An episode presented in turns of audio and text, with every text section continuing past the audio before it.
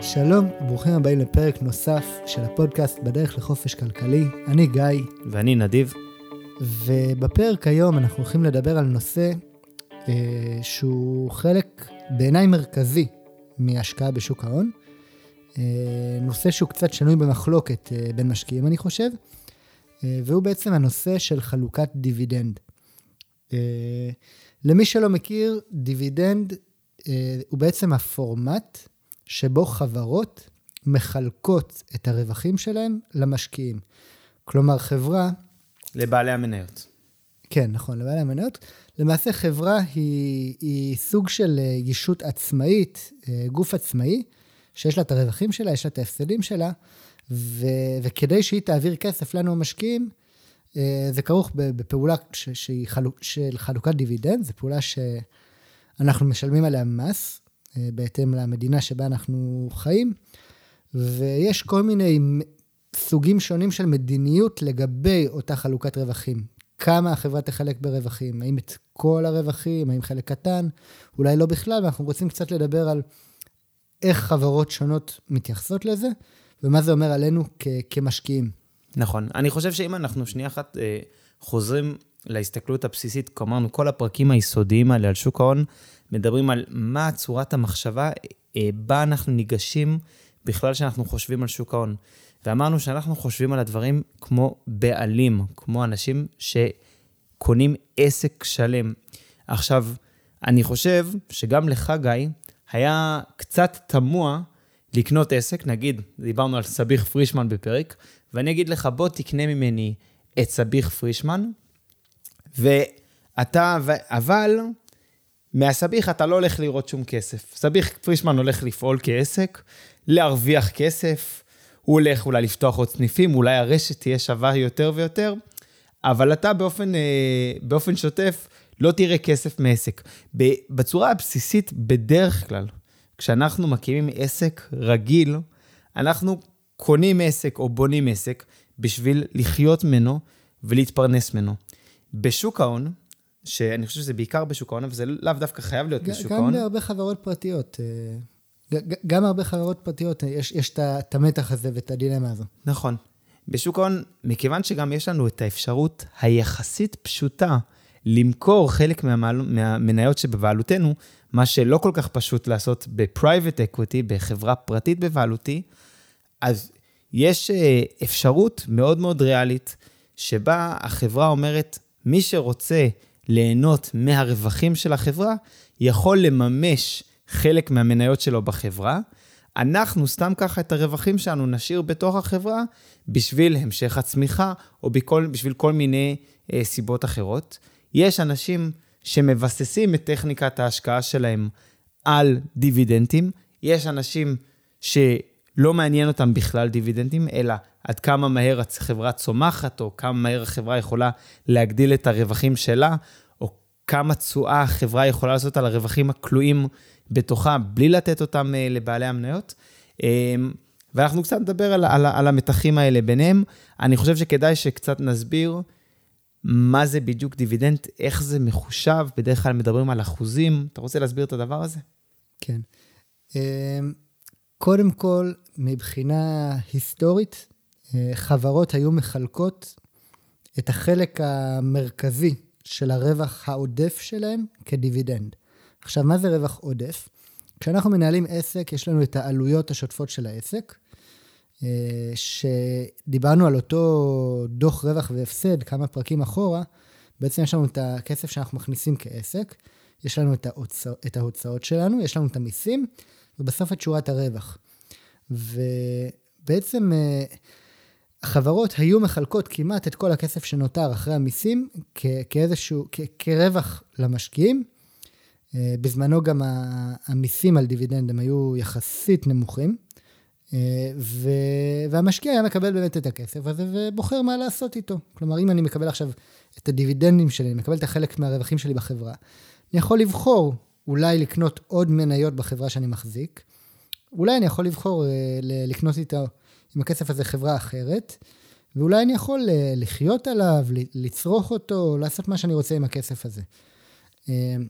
מה שאנחנו רואים לאורך הרבה מאוד שנים, ובמיוחד מאז uh, הפריצה של, של עולמות ההייטק, קצת לפני, הייתי אומר משנות ה-90, הדוט קום באבל, שהגיע אחרי זה לקראת 2000, אנחנו רואים שבעיקר חברות uh, צמיחה, חברות שמשקיעות הרבה מאוד משאבים בצמיחה שלהן, הן באות ואומרות, אני את הרווחים שלי, אני צריכה לחברה, אני צריכה כדי לגדול, אני צריכה כדי לתפוס נתח שוק, כדי להשקיע בפעילות חדשה.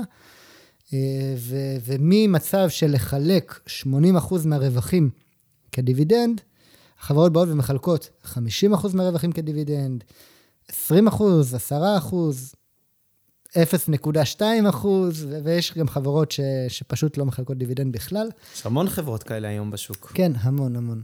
אה, והחברה כעיקרון מגדירה את, אה, את מדיניות הדיבידנד שלה. כלומר, חלק מהדוחות שהחברה מפרסמת זה מה המדיניות שלי לגבי חלוקת דיבידנד. אה, עכשיו, כשאני הבעלים של חברה שלמה, אז אני יכול לבחור כמה דיבידנד למשוך. אני יכול בשנה אחת לבחור למשוך יותר דיבידנד, בשנה אחרת פחות. כאשר אני רק קונה חלק מחברה שהיא נסחרת, אז כן, יש לי זכות הצבעה בחברה, אבל אין לי באמת את השליטה הזו, ואני רוצה לדעת מראש לאיזה מדיניות דיבידנד אני נכנס, כדי להבין מה האפשרויות שלי בהתנהלות שלי במהלך חיי ההשקעה.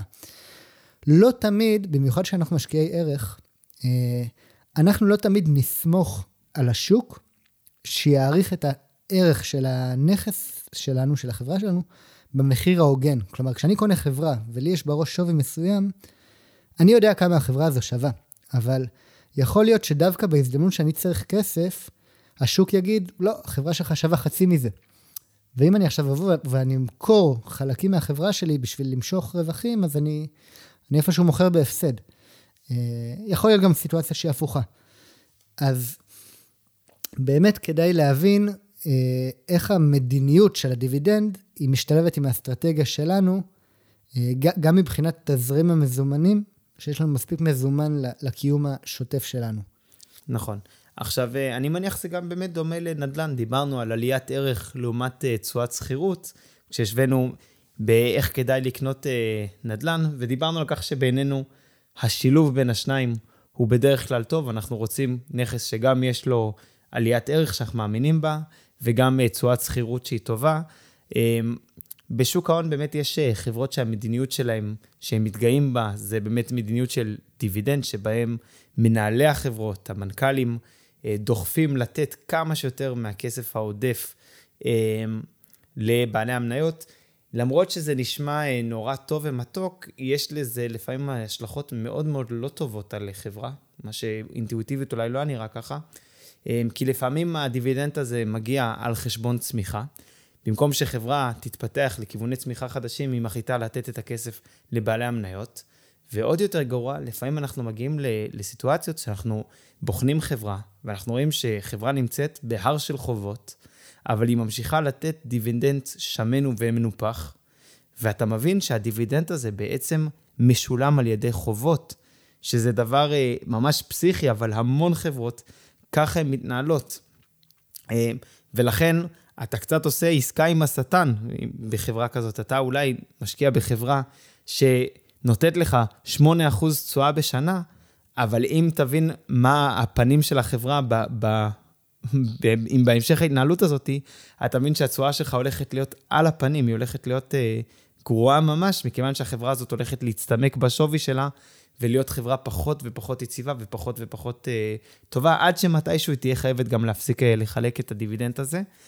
זה מה שאני מדבר עליו, זה לפעמים קוראים לזה dividend trap, כאילו מלכודת הדיבידנד זה סוג של מלכודת דבש.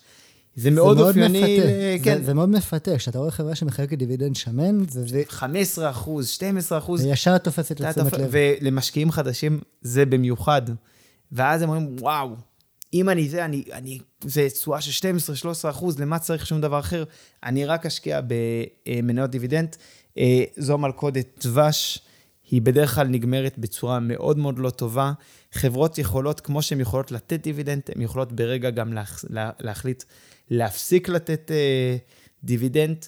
ואנחנו בסוף, כשאנשים שבאים להסתכל על חברות, מניות בתור חברות, אנחנו רוצים לראות מה הרווחיות, מה ההכנסות, ומתוך זה מה הרווחיות שיש לחברה אותה אנחנו מעוניינים או מתעניינים אה, לרכוש, ורק אם נראה שיש רווחיות, אנחנו נשאל את עצמנו לגבי מה, כמה תזרים אנחנו מקבלים אה, מהדבר הזה, כי אנחנו קודם כל מסתכלים על הרווחיות. אז דיברנו קצת על איזשהו קצה מאוד מאוד, אה, מאוד קיצוני של חברות שאין להן רווחיות, אבל הן נותנות דיבידנד בשביל להשאיר את המשקיעים בפנים, כי בלי זה באמת לא היה סיבה לאף משקיע להיות בפנים. לפעמים קוראים לחברות האלה סוג של אה, פרה חולבת. אני חושב על אה, חברות טבק, חברות נפט, חברות תקשורת. כל מיני סוגים של חברות שבהסתכלות... זה בדרך כלל חברות שיש להן פחות צמיחה ויותר עסקים נכון, יציבים. נכון, או שלפחות ש... השוק, לפעמים השוק לא, לא מבין נכון, לפעמים השוק סתם חושב שאין להם צמיחה, ותכלס יש להם הזדמנות לצמיחה, אבל צריך ממש לבחון, זאת אומרת, אם אתם מגיעים לשוק ההון ומוצאים מניה שנותנת תשואת דיבידנד של 10% או 15%, אה, צריך אה, לשאול את עצמנו טוב טוב, האם זה באמת דיבידנד שאנחנו נקבל אותו אה, בפועל. מצד שני, אני חושב שגם יש איזושהי קיצוניות אחרת שנהייתה, בעיקר באמת ב-20 שנה האחרונות, בגלל המהפכה הטכנולוגית של האינטרנט, חברות צמיחה, שבה אנחנו רואים חברות שבכלל לא רווחיות, אין להן שום צפי מתי הן יהיו רווחיות, בטח אין מה לדבר על דיבידנד, ואנשים קונים אותם רק כספקולציה שהחברה הזאת תמשיך לצמוח ולהביא את אותם מספרים של משתמשים, של לקוחות, אמ, יותר ויותר כל שנה. תראה, נטפליקס למשל, היא הייתה חברה כזו שרק הציגה הפסדים עד אה, לפני, עד ממש לאחרונה, אני לא זוכר אם זה בשנה האחרונה או בשנתיים האחרונות, פעם ראשונה שהיא הראתה רווח.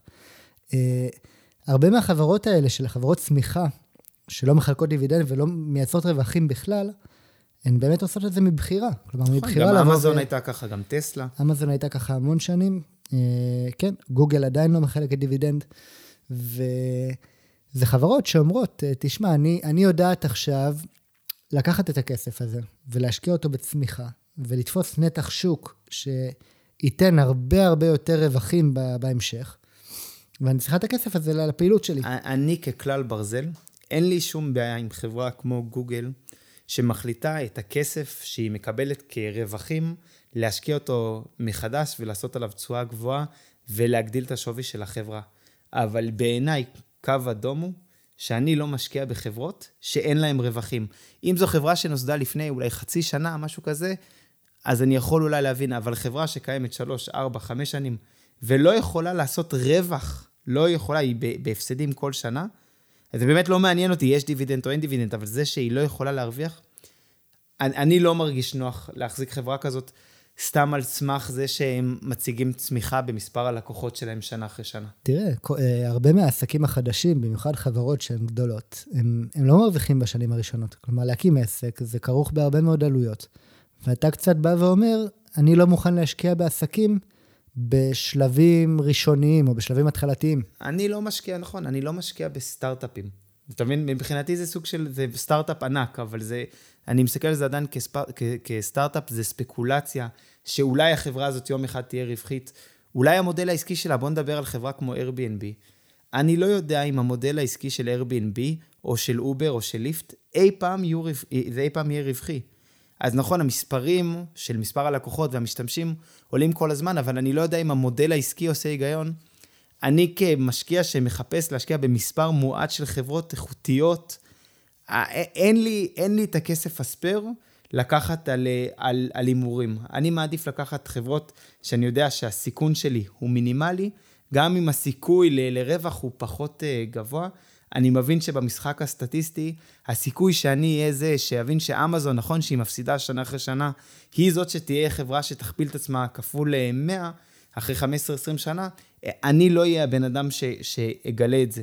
ולכן בעיניי זו מדיניות שהיא לא, היא, היא לא מתאימה לה, להשקפת ההשקעה שלי. אני גם חושב שאצלך, אתה לא, אתה לא שש להשקיע בחברות כאלה שלא, שלא מרוויחות. כן, כן. אה, להבין, אם אנחנו משקיעים הרבה אנרגיה בלהבין חברות שהן כבר קיימות, אני חושב שלהבין חברה שהיא רק בחיתולים שלה, זה, זה, זה דורש עוד יותר, הרבה יותר, פי כמה וכמה מחקר ו- ו- והבנת עומק, כשאין לך באמת נתוני עבר, ואתה צריך עכשיו להבין את התחום ולהבין עד כמה המצגת היפה שהמנכ"ל מראה בתצוגה למשקיעים היא ריאלית והגיונית. כן, תחשבו, תחשבו על אופנות, באמת, ברמה הזאת. ככל שמשהו היה באופנה, אוקיי? זה לא לאו דווקא בבגדים, אבל היה באופנה יותר זמן, בני אדם השתמשו בו יותר זמן, ככה אני יכול להיות גם בהנחה סבירה שהבני אדם השתמשו בו לעוד זמן. בני אדם משתמשים בכיסאות הרבה מאוד שנים. אני מאמין שבני אדם ימשיכו להשתמש בכיסאות עוד הרבה מאוד שנים. בני אדם משתמשים בסמארטפון 10-15 שנים. אני לא יודע באמת להגיד בוודאות גבוהה שעוד 10, 15 או 30 שנה, אנשים עדיין ישתמשו בסמארטפונים. אז אה, תראו אנשים שהשקיעו בחברות כמו בלקברי אה, או בנוקיה, הם הפסידו כמויות אדירות של כסף, למרות שהיה נראה שהבלקברי אה, הולך להיות הדבר ש, שאף אחד לא יחליף, ופתאום מגיע מוצר חדש בשם האייפון, וזו השקעה ש, שאני לא מרגיש איתה בנוח, אה, בתור משקיע שבאמת מחפש את הערך ואת הביטחון כדבר ראשון. כן. אה, יש באמת, כשאנחנו משקיעים בחברה שלא מחלקת דיבידנד, אנחנו, אנחנו, אומרים, אנחנו קצת אומרים למנכ"ל, תשמע, מנכ"ל, אנחנו סומכים עליך שתנצל את הכסף בצורה המיטבית. אני חושב שיש איזשהו קושי, והוא אפילו בהתנהלות הכלכלית האישית, אני חושב, כמו, כמו בחברה. כשיש לך יותר מדי מזומן ביד, אני לא חושב שאתה זהיר בשימוש שלך במזומן, כמו שאתה זהיר כשיש לך מעט מזומן ביד. כלומר, חברה שיודעת לחלק דיבידנד ועדיין לייצר רווח ועדיין להיות אה, אפקטיבית, וזה לא חייב להיות דיבידנד שהוא מאוד גדול, זו חברה שהיא איפשהו שומרת על היעילות שלה ושומרת על הכושר שלה. וחברה שעכשיו יושבת על הרים של, אה, של, אה, של דולרים, על הרים של מזומן, גם אם היא חושבת שהיא יודעת להשקיע את הכסף הזה טוב, כשחברה כזו תבוא ותגיד, אני, אני לא מחלקת דיבידנד כי אני אשקיע את הכסף הזה טוב, אני חושב שיש פה איזושהי בעייתיות. אני לא אומר שלא הייתי משקיע בחברה כזו, יש לי חברות בפורטפוליו שלא מחלקות דיבידנד. אבל אני מדגיש שיש להם רווחים. יש להם רווחים, ודאי. אבל אה, כן, אני, אני חושב שזה איפשהו גם פוגע ביכולת של החברה באמת באמת להיות בכושר ולעשות השקעות שהן מיטביות. אני אגיד יותר מזה, אני אתחבר למה שאתה אומר, שחברה שנותנת דיבידנטים, מחלקת דיבידנטים במשך אה, שנים רבות, זו חברה שבעצם יוצרת קשר של אמון בין בעלי המניות למנהלי החברה. והקשר הזה הוא קשר שמנהלי החברה אומרים, אנחנו באמת רואים בכם כבעלים של החברה, אנחנו לא סתם מנצלים אתכם כסוג של כסף טיפש במרכאות, אנחנו רואים אתכם, אנחנו כל שנה מנסים להגדיל את המניה, לפעמים בשניים, שלושה, חמישה, עשרה, חמישה עשר אחוז. לפעמים יש חברות שמצליחות שנה אחרי שנה להעלות את הדיבידנדים בצורה דרמטית. תחשבו כמה קשה להעלות את השכירות בשלוש אחוז על נכס. חברות, הרבה פעמים חברות דיבידנד יכולות להעלות, יש חברות שבממוצע רב, שנ, רב שנתי אה, מעלות את הדיבידנד שלהם כל שנה ב-7 ו-8 אחוז, כל שנה, כמו שעון. אה, החברות האלה, כבר, מכיוון שככה הן פועלות, הן תמיד רואות את בעל המניות כבעל החברה, הן תמיד חושבות על האינטרס שלו, והם, ויש לה הרבה יותר סיכוי שבדברים אחרים הם יקבלו, כשיגיעו דילמות אחרות, החלטות אחרות, הם יקבלו הכרעה שתהיה לטובת הבעלים של החברה, ורואים את זה על פני רשימה של עשרות חברות שמחלקות דיבידנדים גדול, שגדלים כל שנה במשך עשרות ולפעמים יותר מ-100 שנה, ורואים שהחברות האלה הן חברות שגם בעליית ערך שלהן הרבה פעמים נותנים תשואה עודפת לחלוטין על השוק. אה, גם הנאמנות של הלקוחות נשארת אה, הרבה יותר גבוהה. אה, ובכללי, לי יש אהבה מאוד מאוד גדולה לחברות איכותיות שנותנות מניה, שנותנות דיבידנד, כמובן, כל עוד הן יכולות לעמוד בו וכולי. עכשיו, יש חברות, כמו שקצת התחלנו לדבר על צמיחה, יש חברות שאני אגיד להן, עזבו, אני באמת לא רוצה את הדיבידנד, אני רוצה שתהיו רווחיות, להבדיל בין דיבידנד, בין אם תיתנו לי כסף ואם אתם תרוויחו כסף. יש חברות, אם, אם אני מגיע לחברה כמו שאפל הייתה במשך הרבה מאוד שנים, שהייתה חברה שיודעת לעשות על הכסף 15% בשנה בצמיחה של החברה, אני אומר לחברה, תודה רבה, אל תיתנו לי את הכסף בתור דיבידנד, תשמרו אותו אצלכם, אתם יודעים להתנהל עם הכסף הזה יותר טוב. אבל לפעמים אתה נתקל בחברות שהמנכ"ל, הצוות, הדירקטוריון של החברה, לא יודע מה לעשות עם הכסף, איך להשקיע אותו בצורה חכמה, ובמקום לתת דיבידנד יותר גדול, הם משקיעים בכל מיני מיזמים, כל מיני רעיונות, רוכשים כל מיני חברות, עושים כל מיני השקעות דביליות, קונים מניות של עצמן, של החברה של עצמם, שאנחנו בטח נעשה פרק שלם על הסיפור הזה של buyback, של רכישה עצמית של מניות, הם ממש בדרך הזאת שמנהל חברה לוקח כסף שלי, שאני הרווחתי אותו בתור בעלים של החברה, במקום להשתמש בכסף הזה בצורה יעילה בשביל להגדיל את החברה ולהגדיל את הרווחים, עושה בו כל מיני דברים ספקולטיביים, לפעמים בשביל להעלות את מחיר המניה, כדי שהאופציות שלו יבואו לידי מימוש, או כל מיני דברים כאלה שקיימים בשוק, אמ, הדבר הזה פועל לרעתי, וזאת סיטואציה שאני לא רוצה אה, לאפשר למנהל של החברה. אז, אז הדיבידנדים בעיניי הם כן אה, דבר מאוד מאוד חשוב. אני כן אציין עוד דבר אחד, ש, שצריך לזכור שאנחנו רואים שוק בעשורים האחרונים, ודיברנו על זה בסוף הפרק הקודם, שהוא כבר עשרות שנים במגמה של עלייה, גם אם נכניס פנימה את המשבר של 2000, שנת 2000 ומשבר של 2008, סך הכל יש מגמה ארוכה של עלייה, ואנחנו התרגלנו לכך שהנכסים הפיננסיים האלה, שקוראים להם מניות, חברות, עולות ב-5, 6, 7, 8 אחוז כל שנה, כמו, אה, כמו שעון פחות או יותר. זה לא תמיד היה ככה, זה לאו דווקא תמיד יהיה ככה. ובתקופות שזה לא ככה, כמו התקופות של, המש... של השפל הגדול, אנשים התייחסו לחברות בתור כמה כסף אני מקבל מהם כדיבידנד בצורה שוטפת. ככה התייחסו למניות. אני מאמין, אני לא יודע את זה, אני מאמין שעוד יבוא יום שאנשים יחזרו להתייחס ככה למניות, אה, מכיוון שהם, ש, שתהיה תקופה שבה השוק לא, לא ידהר כל כך קדימה, ואנשים יתחילו לשאול את עצמם, רגע, אם השוק לא, אפילו אם השוק לא כל כך יורד, אבל הוא לא עולה יותר והוא פחות או יותר נשאר במקום שלו, אז מה אני מקבל מלהחזיק את, ה, את, ה, את המניה הזאת? ואני חושב שאז אנשים אה, פתאום עוד פעם ישימו הרבה מאוד אה, לב אל אה, משקל הדיבידנד. כן, אה, גם מי שמשקיע לאורך הרבה מאוד שנים, אה, באמת, התשואה של הדיבידנד שמגיעה כל שנה, זה חלק מאוד משמעותי מהרווח הכולל ש, שהוא מרוויח מההשקעה שלו ב, בחברה. Uh, התחלת לדבר על הנושא של אה, קניית מניות חזרה. Uh, צריך להבין שבהשקעות בכלל, הנושא של מיסוי הוא מאוד מאוד מעניין אותנו. ובאמת מה שקורה עם העלייה של אותו מס uh, על הדיבידנד, זה שבעלי מניות, בעלי חברות, באים בדרישה ומצביעים בהצבעות, ה... בהצבעות בעלי המניות, על זה שהם לא רוצים לקבל דיבידנד כדי לא לשלם עליו מס, כדי שיישאר בחברה. ואז חלק מהחברות, חלק מהחברות משקיעות את הכספים האלה בהשקעות שהן יותר טובות או פחות טובות, וחלק מהחברות משתמשות בכסף הזה, והן מצאו מין כזה פטנט של איך להחזיר כסף לבעלי המניות בלי לשלם מיסים.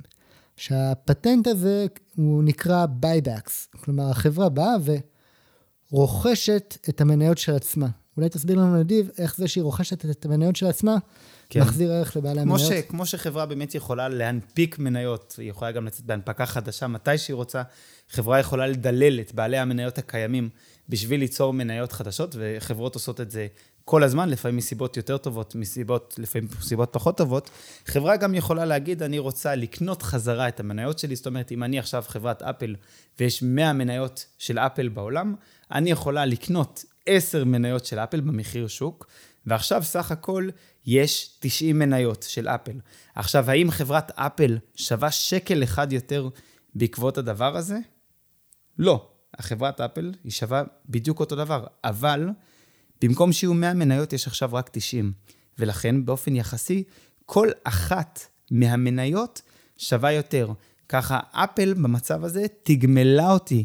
ואפל זו חברה טובה, זו דוגמה טובה, כי היא באמת עושה את זה שנים על גבי שנים, הרבה מאוד אה, מהרכישה העצמית הזאת, מה buybacks האלה, והיא מגדילה לי את סך השווי שיש לי בחברת אפל, את, את, את השווי של הבעלות שלי על החברה, אמ, שיש אנשים שמאוד מאוד אוהבים את זה, כי עוד פעם, הם עולים בשווי שלהם, והם לאו דווקא צריכים אה, לשלם על זה מיסים. החיסרון שהרבה פעמים מנהלי החברות לא קונים, כמו שגיא ואני כל הזמן מדברים על זה שאנחנו רוצים לקנות חברות איכותיות, אבל לא פחות חשוב, אנחנו רוצים לקנות אותן גם במחיר שנראה לנו איכותי, במחיר שנראה לנו סביר. אמ, אנחנו גם מצפים ממנהלי החברות שאנחנו מחזיקים, שאם הם מחליטים לעשות buyback, אה, לקנות מחדש את המניות, אל תקנו אותם במחיר מופקע, כי אם קניתם אותם כשהמחיר של המניה הוא מופקע, בעצם לקחתם את הכסף שלי ושרפתם אותו על השקעה לא טובה. נכון, ואני אני אגיד יותר מזה, אני בתור משקיע, אם אני עכשיו מתחיל להשקיע בחברה מסוימת, ו- וזו גישה שהיא גישת מיעוט אולי, אבל אני חושב שהיא גישה שהיא טובה. פחות מעניין אותי עליית ערך. כלומר, אם אני חושב כמו בעלים, אני רוצה שהעסק שלי יהיה רווחי. אני רוצה שהוא ירוויח כמה שיותר כסף. אני לא נכנס לעסק במטרה למכור אותו. ואם אני לא נכנס במטרה למכור אותו, אה, אז, אז כל, עוד, כל עוד אני יכול לקנות יותר מהעסק שלי, כלומר, אם אני עכשיו בא ויש לי, אני יכול לקנות חתיכה מהעסק שלי במחיר מניה שהוא נמוך, והמחיר מניה יכול להישאר נמוך, זה מאפשר לי במהלך הזמן לבוא ולקנות עוד מהעסק הטוב הזה במחיר שהוא נמוך. עכשיו, אם החברה באה וקונה את המניות של עצמה, היא מעלה את רף הכניסה, יכול להיות שיהיה לי פחות שווה לבוא ולקנות uh, חלקים בחברה הזו. Uh, עכשיו, יש, אם, אם אנחנו מדברים באמת על המניעים שמביאים חברות uh, לקנות את המניות של עצמן, נדיב, דיברת על הנושא של, של מנכ"לים ושיטות התגמול שלהם. באמת הרבה מהשכר של בכירים בחברות נגזר משווי המניות שלהם. כלומר, נגזר מהשווי של כמה השוק מעריך את שווי החברה. ולמנכ"לים האלה יש אינטרס שהוא מאוד מאוד מאוד מאוד חזק, לדחוף את שווי החברה כלפי מעלה, לדחוף את מחיר המניה כלפי מעלה. לא את שווי החברה, נכון, את מחיר המניה כלפי נכון, מעלה. נכון, כן, כן. מחיר ו... המניה הבודדת. ויש גם אינטרס, יש גם לחברות אינטרס כזה. כלומר, גם לחברה עצמה, אם לזו למשל חברת אפל, אה, כשלחברה יש שווי שוק שהוא גבוה, שהשווי שוק הוא, הוא מספר המניות כפול המחיר למניה. עכשיו, כשחברה קונה את המניות של עצמה, היא, היא מגדילה בדרך כלל את שווי השוק שלה. למה היא מגדילה את שווי השוק שלה בפעולה הזו? כי היא משלמת, בעצם זה שאתה מזרים פקודות קנייה לשוק, אתה מעלה את המחיר של מניה אה, מעבר ליחס שבו צמצמת את כמות המניות. כלומר, אתה מזרים ביקוש. זה נכון. אה, אז, אז ה buybacks האלה, הם דוחפים למעלה את, את ה market cap של החברות, את שווי השוק שלהן, הכולל, וכשמוסדות מלווים, אה, למשל בנקים, למשל כל מיני קרנות נאמנות של אגרות חוב, כשהחברה הזאת עכשיו תבוא למוסד כזה שהוא, שהיא צריכה ממנו טובה, או צריכה ממנו שירות, שירות של הלוואה נגיד, אז כמה שהשווי שלה יותר גבוה, היא תקבל תנאים יותר טובים, כי היא באה לקחת חלק שהוא יותר קטן ביחס לשווי שלה.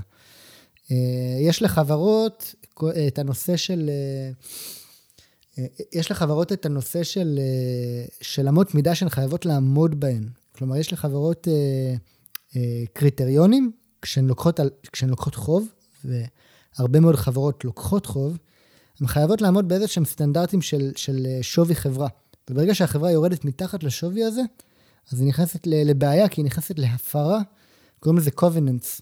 היא נכנסת להפרה של המחויבות שלה כלפי המלווים. אז יש פה איזשהו אינטרס מאוד חזק באמת ל buybacks, שצריך להבין גם שהוא חלק מהמשחק של, של שוק ההון. כן. אני כן חושב שאולי כדאי שניקח רק צעד אחד אחורה, כי התחלנו לדבר על, אה, על דיבידנדים, וברור לי שיש גם אנשים ש...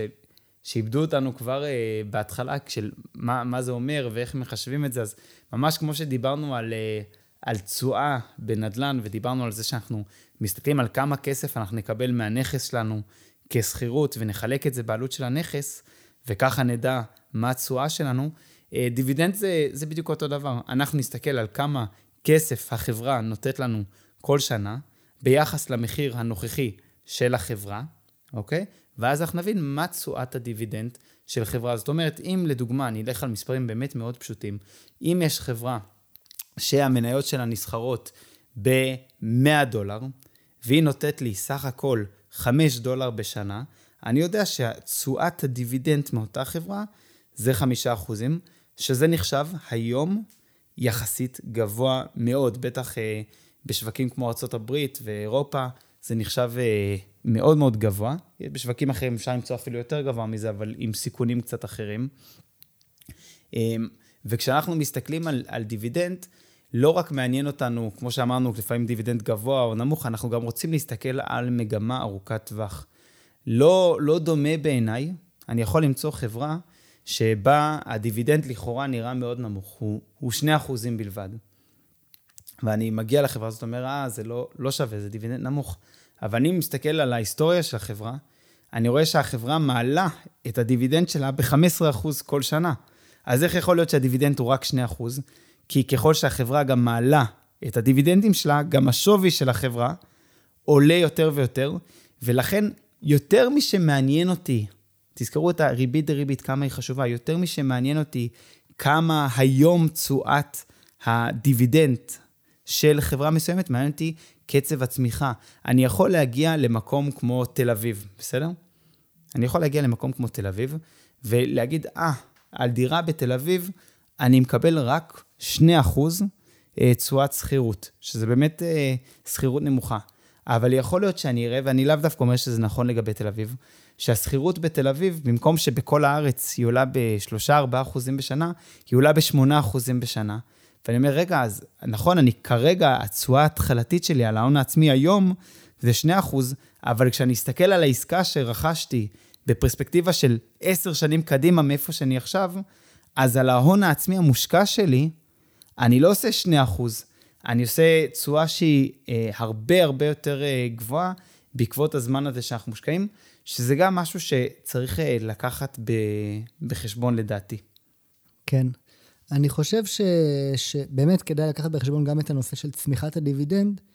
אה, אני חושב שכדאי גם לקחת בחשבון את ההיסטוריה של הדיבידנד, כי אם אנחנו מסתכלים כמה שנים החברה כבר מחלקת את אותו דיבידנד, אה, זה באמת נותן לנו איזושהי אינדיקציה לעד כמה היא סביר שהיא תמשיך ותחלק אותו.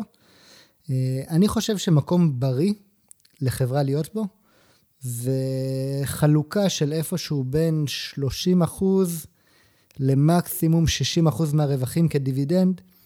אה, אני חושב שזה מקום שהוא בריא, שגם נותן לך דיבידנד שהוא יציב, וגם משאיר לחברה מקום לצמוח ולהשקיע בעצמה. כן. אני חושב שזה קצת יותר תלוי, אה, תלוי בחברה ומה האופציות שלה.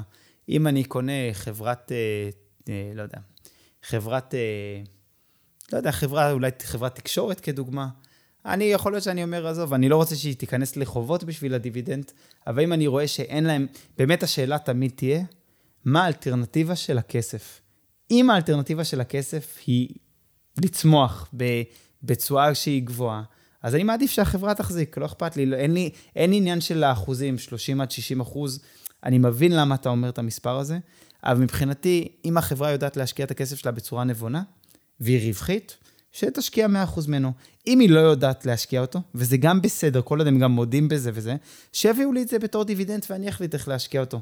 אין, אין לי בעיה להשקיע בחברה, נגיד חברה תיאורטית שהיום מחליטה לתת אה, 10% דיבידנד, ואני רואה שה-10% האלה יעמדו באינפלציה והם צומחים יחד עם האינפלציה, יכול להיות שאני אחליט להשקיע בחברה הזאת בתור פרת מזומנים, ואני אשמח. ואני לא רוצה שהם עכשיו, אה, חברה שעד עכשיו ייצרה טבק, פתאום תחליט שהיא עושה משהו אחר לחלוטין, שאין לה שום מושג איך לעשות אותו, בשביל להגיד שהם עובדים עם הכסף. אני, אוקיי, אני, אני, חול, אני מבין מה אתה אומר, ואני אני כן חולק פה בנקודה ש... חברה שלא משקיעה בפיתוח, היא חברה שהיא בדרך למות. וחברות זה משהו ש... זה, זה, זה, זה מין כזאת חיה שלוקח המון אנרגיה לייצר ולהביא אותה למקום שבו היא נמצאת, ויש לך כבר איזשהו נכס שהוא נכס ששווה המון. זה שיש לך מנכ"ל עם עובדים שיודעים לעבוד בסינרגיה, בשיתוף פעולה, תהליכים, זה שווה המון, ואם חברה לא משקיעה בפיתוח שלה ולא יודעת לאן היא הולכת, גם חברת טבק. חברת טבק, חברת טבק שלא נכנסת עכשיו לעולמות של, אה, של מריחואנה, ולא נכנסת לעולמות של uh, consumer goods, ולא יודעת להשתמש במקום שלה על המדף, יש לה המון נכסים. חברה כזאת שלא משקיעה בפיתוח שלה, היא בדרך למות, והיא בהכרח מייצרת לך, גם אם היא נותנת לך דיבידנד שלם, שמן, היא מייצרת לך תשואה שהיא, שהיא נמוכה על הכסף, לעומת מה שהייתה יכולה לעשות עם קצת פיתוח וקצת מחשבה. אני, אני, אני באמת לא, אני מסכים איתך שחברת טבק היא חברה שהולכת למות, אבל uh, יש דוגמאות שבן אדם יכול לקנות, בוא נחשוב בצורה קצת יותר קטנה, בן אדם קונה איזשהו מפעל שוקולד בוטיקי. קטן ובוטיקי, והוא חייב להישאר קטן ובוטיקי.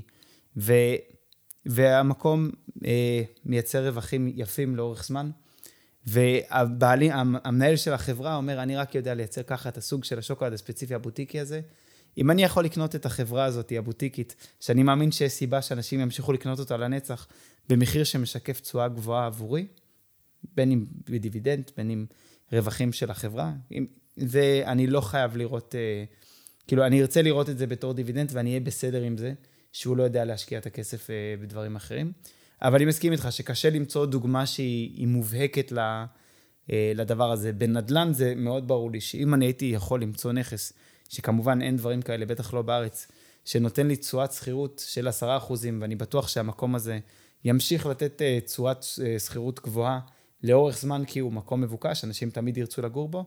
אני מבחינתי, בתשואה מסוימת, מוכן גם לוותר על על עליית ערך ו- ודברים אחרים לעשות עם הכסף, אני אומר, תיתנו לי את התשואה השוטפת.